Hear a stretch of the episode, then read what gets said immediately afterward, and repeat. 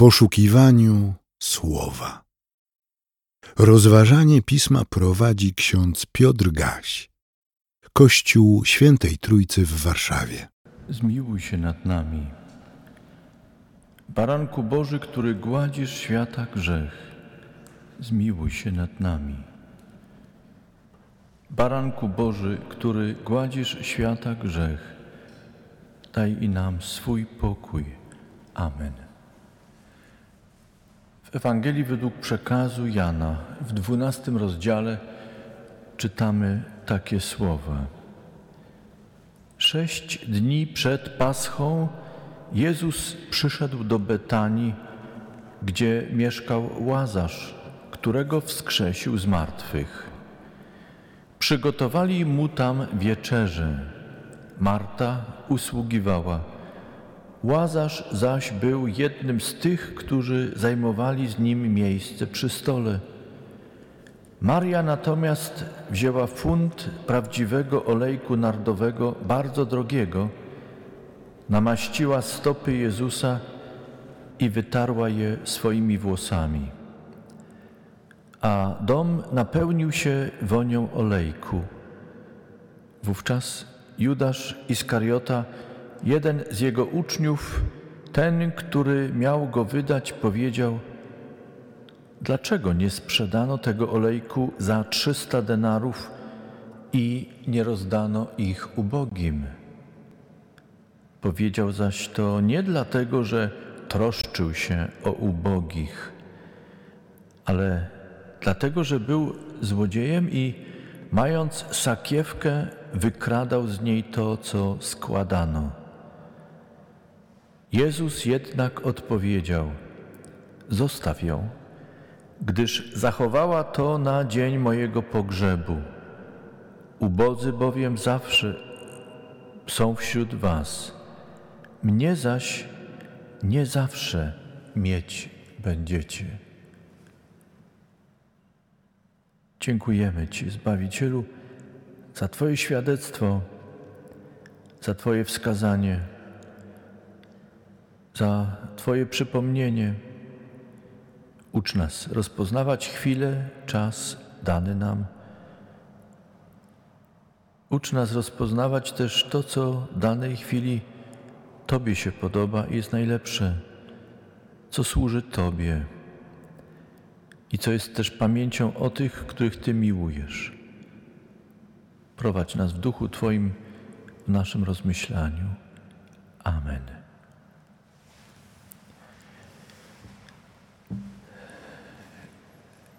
Moi kochani,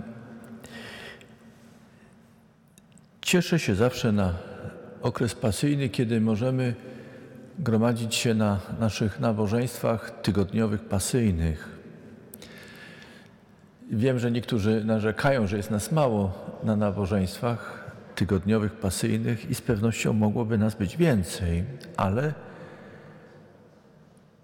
choć wszystkich serdecznie dziś zapraszamy na kolejne przez cały okres Wielkiego Postu, okres pasyjny, jednocześnie pamiętajmy, że każde takie nabożeństwo inne od niedzielnych. Powiedzielibyśmy potocznym językiem kameralne, ja powiem szczególnie wyciszone, podniosłe, o głęboko modlitewnym charakterze, jest czasem przygotowanym dla nas, byśmy przeżywali, jak mówimy, taką ewangelicką drogę krzyżową, by przez kolejne piątki Czytając historię męki Zbawiciela w tym roku według przekazu ewangelisty Jana, odnajdywać to, co ważne i przygotowuje nas na wspominanie męki, śmierci Chrystusa w Wielkim Tygodniu, Wielki Piątek. Jednocześnie te piątkowe nasze nabożeństwa są czasem rekolekcji, powrotu w naszym myśleniu do tego, co podstawowe, fundamentalne, do tego, co czasem w biegu, w krzątaniu się, trosce o różne sprawy umyka nam albo schodzi na dalszy plan. Zaplanujmy, proszę, kolejną swoją obecność w tym miejscu najbliższy piątek, jeśli nie wcześniej. Bądźmy. Zaplanujmy tak swój czas, ułóżmy tak swoje obowiązki, by być i by wracać do tego, co u podstaw, co u początku, do tego, który jest Panem tego czasu, który nam jest dany, do którego możemy zbliżać się przez nasze rozmyślanie i spędzać w nim, z Nim te, w tym miejscu te szczególne chwile modlitwy i rozmyślania w Jego bliskości. Wiem, że nie wszyscy mogą być z nami w tym miejscu. Cieszę się, że nasi współbracia ze studia Luteraneum znowu w tym roku dbają o to, by te rekolekcyjne, pasyjne, tygodniowe nabożeństwa były dla nas także osiągalne wtedy, kiedy nie możemy być w tym miejscu, ale chcemy łączyć się w modlitwie. I chcemy przede wszystkim szukać w bliskości naszego Pana, Chrystusa, tego, co jest najważniejsze, największe, czego potrzebujemy, by Jego światło nie zgasło w nas, by nie zabrakło nam siły, byśmy idąc za Chrystusem doznawali mocy Jego, uczyli się od Niego cierpliwości i tego wszystkiego, co jest nam potrzebne, by służyć. Po to Chrystus przyszedł na ten świat, jak słyszeliśmy w liście do Efezjan. Po to przyszedł, aby nas oświecić, przygotować, by odkryć przed nami swoją drogę, by wytyczyć szlak, którym powinniśmy pójść za nim, naśladując go, by odnaleźć w Zbawicielu. To wszystko, co jest nam potrzebne, abyśmy, myśląc o słowach Łotra z krzyża, choć jesteśmy inni od Niego, byli pewni, że nasza modlitwa wspomnij na mnie ma sens. Jest modlitwą, która ma podstawę w tym, co Bóg odsłonił przez swego Syna. Nie jest to tylko nasza wola, ale jest to wola naszego Boga, by dla Chrystusa mógł każdą i każdego z nas wspomnieć nasze imię i by dla każdej i każdego z nas przygotować miejsce w Królestwie Bożym. Na naszym pierwszym nabożeństwie przenosimy się w swoim myśleniu do Betanii.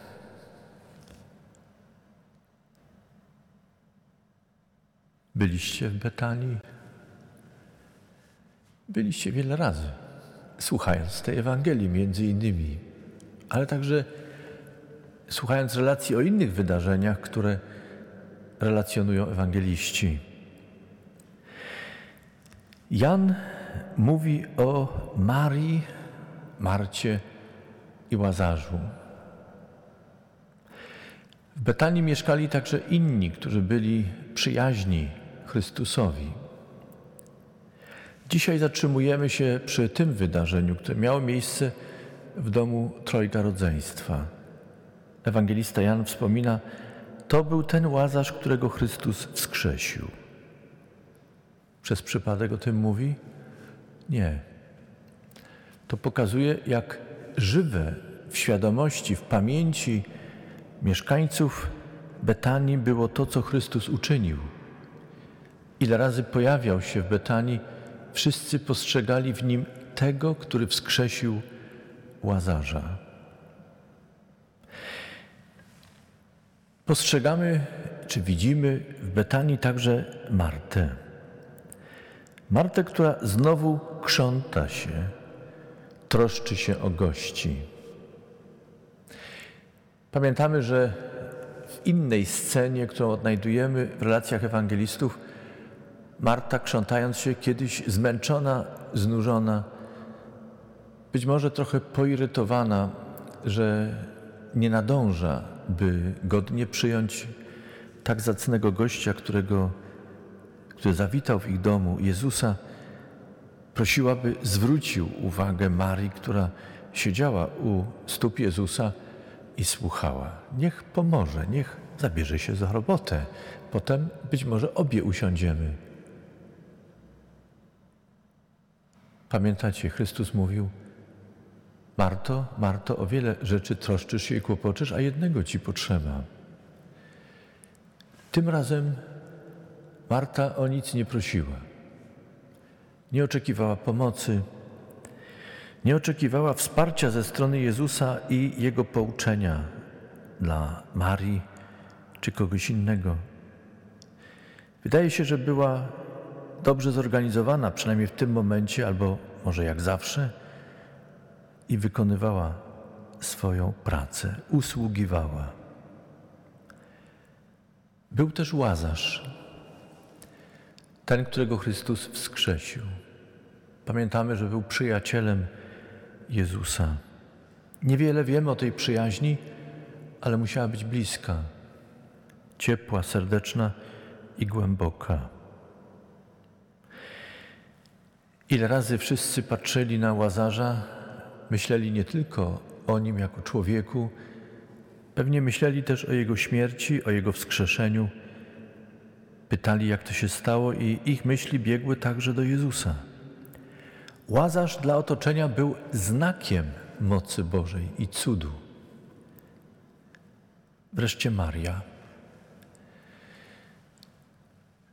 Na kartach Maria z Betanii pokazana jest jako kobieta skupiona, ciekawa, ucząca się, umiejąca wybrać w danym momencie to, co ważne. Przez to jest czasem dla otoczenia mało praktyczna. Już trochę opowiedziałem dzisiaj, przypomniałem, co działo się w spotkaniu Marty, Jezusa i Marii. I w tej rozmowie wcześniejszej pomiędzy Martą i Jezusem też ujawnia się to, że Maria dla niektórych była zbyt mało praktyczna myśląca o wzniosłych rzeczach, kiedy trzeba przecież tak mocno stąpać po ziemi. A jednak ta postawa Marii jest postawiona przez Chrystusa jako przykład. Tym razem Maria czyni rzecz, jak słyszeliśmy, szaloną. Wzięła słoik wonnego olejku, wylała go na stopy Jezusa, a potem otarła namaszczone stopy Chrystusa swoimi włosami. Judasz, rzeczoznawca od cennych przedmiotów i rzeczy, ten Judasz wycenił, ile olejek był y, wart. Stwierdził 300 denarów. Przypomnę, jeden denar to była godna zapłata dla pracownika za jeden dzień pracy. Ile więc trzeba było pracować na olejek? 300 dni pracy. Licząc dni wolne, jeśli takie mieli, prawie cały rok pracy. Dzień po dniu, cały dzień, by zarobić na jeden słoik. Na jaką okazję przechowywała Maria tę cenną woń? Dlaczego w ogóle nabyła ten olejek? Czy kochała pachnidła? Czy zachowała, tak jak Jezus też sugeruje, dla kogoś na czas pogrzebu, by zgodnie ze zwyczajem żydowskim namaścić ciało? Czy olejek był jeszcze z czasu, kiedy chowano łazarza w grobie? Nie wiemy tego. Ale wiemy, że była gotowa dać od siebie coś niezwykle cennego. I nie na głowę ale na stopy. Okazując w ten sposób swoją uniżoność, swoją cichość, ale też jak umiłowała tego, którego nogi zawitały w jej domu, w domu jej siostry Marty i brata Łazarza. W Starym Testamencie czytamy, że piękne są nogi tego, który zwiastuje dobrą nowinę. Nie wiemy tego, czy w przypadku Marii te słowa towarzyszyły jej też. Myślała o tych słowach ze Starego Testamentu i poprzez zewnętrzny znak chciała okazać cześć, szacunek dla tego, którego postrzegała jako zwiastującego pokój, dobro. Nie wiemy tego. Ale przeciwieństwem w tej historii jest Łazarz. Jest, yy, przepraszam, jest Judasz. Judasz, który kalkuluje, wycenia. Jak czytamy, nie dlatego, by coś praktycznego zrobić, nie dlatego, że ma inną koncepcję wykorzystania tego, co cenne, wartościowe, ale dlatego, że wyliczył już, tak przynajmniej sugeruje Jan, wyliczył już, ile może wziąć z kwoty 300 denarów dla siebie. Jaki miałby zysk on, który był skarbnikiem w gronie dwunastu. Siostry i bracia, na pierwszym naszym nabożeństwie wracamy do tego, co u podstaw, na początku. To są nasze rekolekcje. Jesteśmy w ten wieczór postawieni przed pytaniem, co jest dla nas podstawowe, najważniejsze. Wróćmy w swoich myślach do różnych sytuacji w naszej codzienności, w naszych domach, w miejscu pracy, w kościele, w rodzinie. Co tam, tu stało się dla nas cenne, najważniejsze?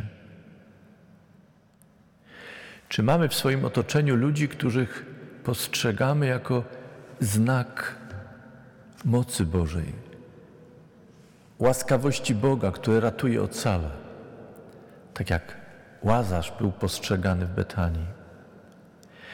Pomyślmy, czy w naszym otoczeniu mamy kogoś takiego, kto z jednej strony jest pobożny, oddany Bogu, ale jest też zawsze podziwiany przez nas za praktyczny zmysł, za umiejętność organizacji pracy, ważnej dla nas, dla Bożej sprawy. A jednocześnie jest to ktoś, kto czasem nas irytuje i przeszkadza nam zbyt praktyczne podejście i zawsze takie chłodne i zimne, i brak nam czasem u tego kogoś takiej wzniosłości, jaka była u Marii. Pomyślmy, czy mamy kogoś w naszym otoczeniu, kogoś, kogo, kogo postrzegamy jako uduchowionego, wzniosłego człowieka, wyciszonego, ułożonego, który potrafi słuchać i słyszy, jest zdolny ten ktoś do czasem gestu szalonego.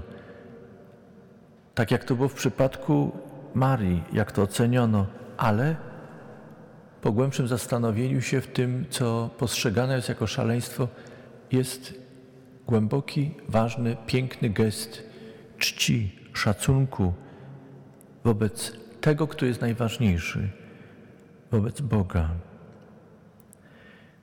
Pomyślmy, czy w naszym otoczeniu zetknęliśmy się już z głębokim rozczarowaniem kogoś, kto był częścią wspólnoty, jest częścią wspólnoty, naszej wspólnoty.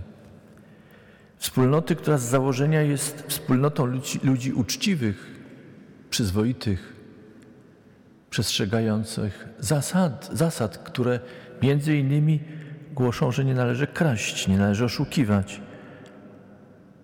Ale pełniąc swoją służbę, nadużywali, czy też naduży, nadużywają swoich kompetencji.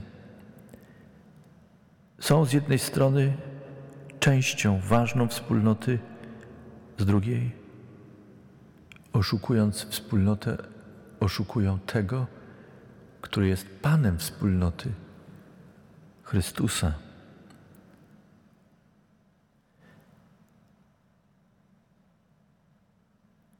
Poszukaliście?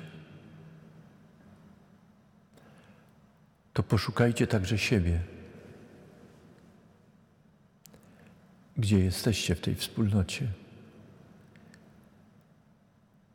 Komu, do kogo nam najbliżej z tych postaci z Betanii? Do kogo nam najbliżej? Do Łazarza? Do Marty? Do Marii? Do Judasza?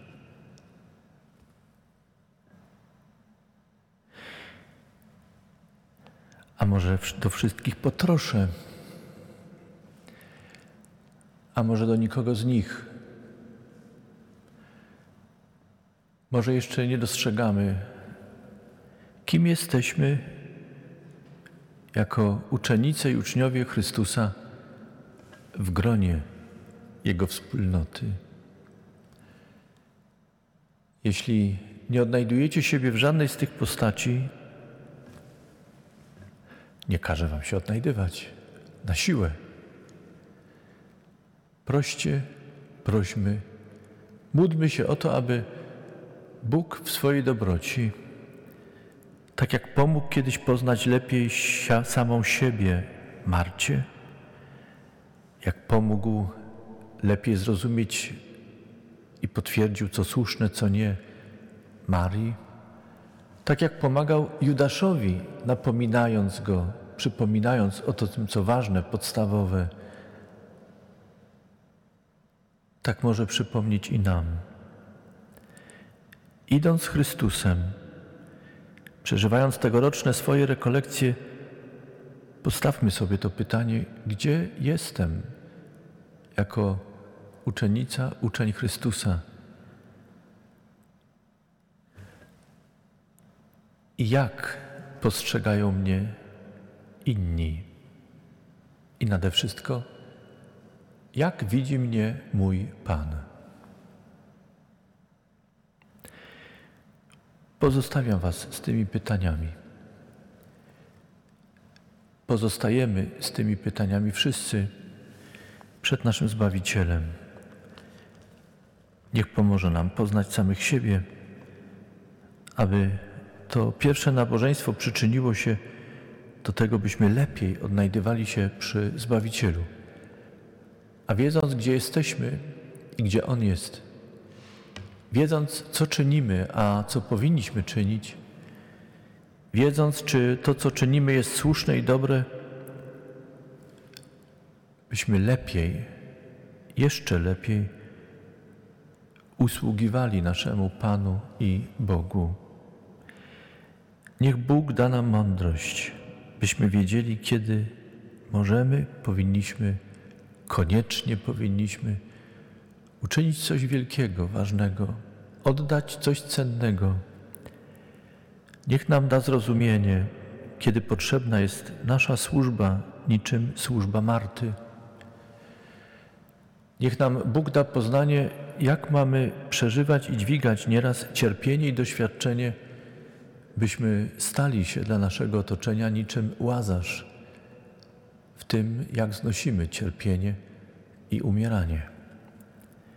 Niech Bóg da nam poznanie i nawrócenie, jeśli błądzimy tak jak Judasz, choć napomina nas Chrystus, nie przestaje kochać. Więcej, dlatego że kocha, napomina, szuka. Amen. Przyjmijcie życzenie pokoju. A sam Bóg pokoju niech nas w zupełności poświęci, aby duch nasz, dusza i ciało były zachowane bez nagany na dzień przyjścia i spotkania z Panem naszym Jezusem Chrystusem. Amen. Więcej materiałów na www.trójcawaw.pl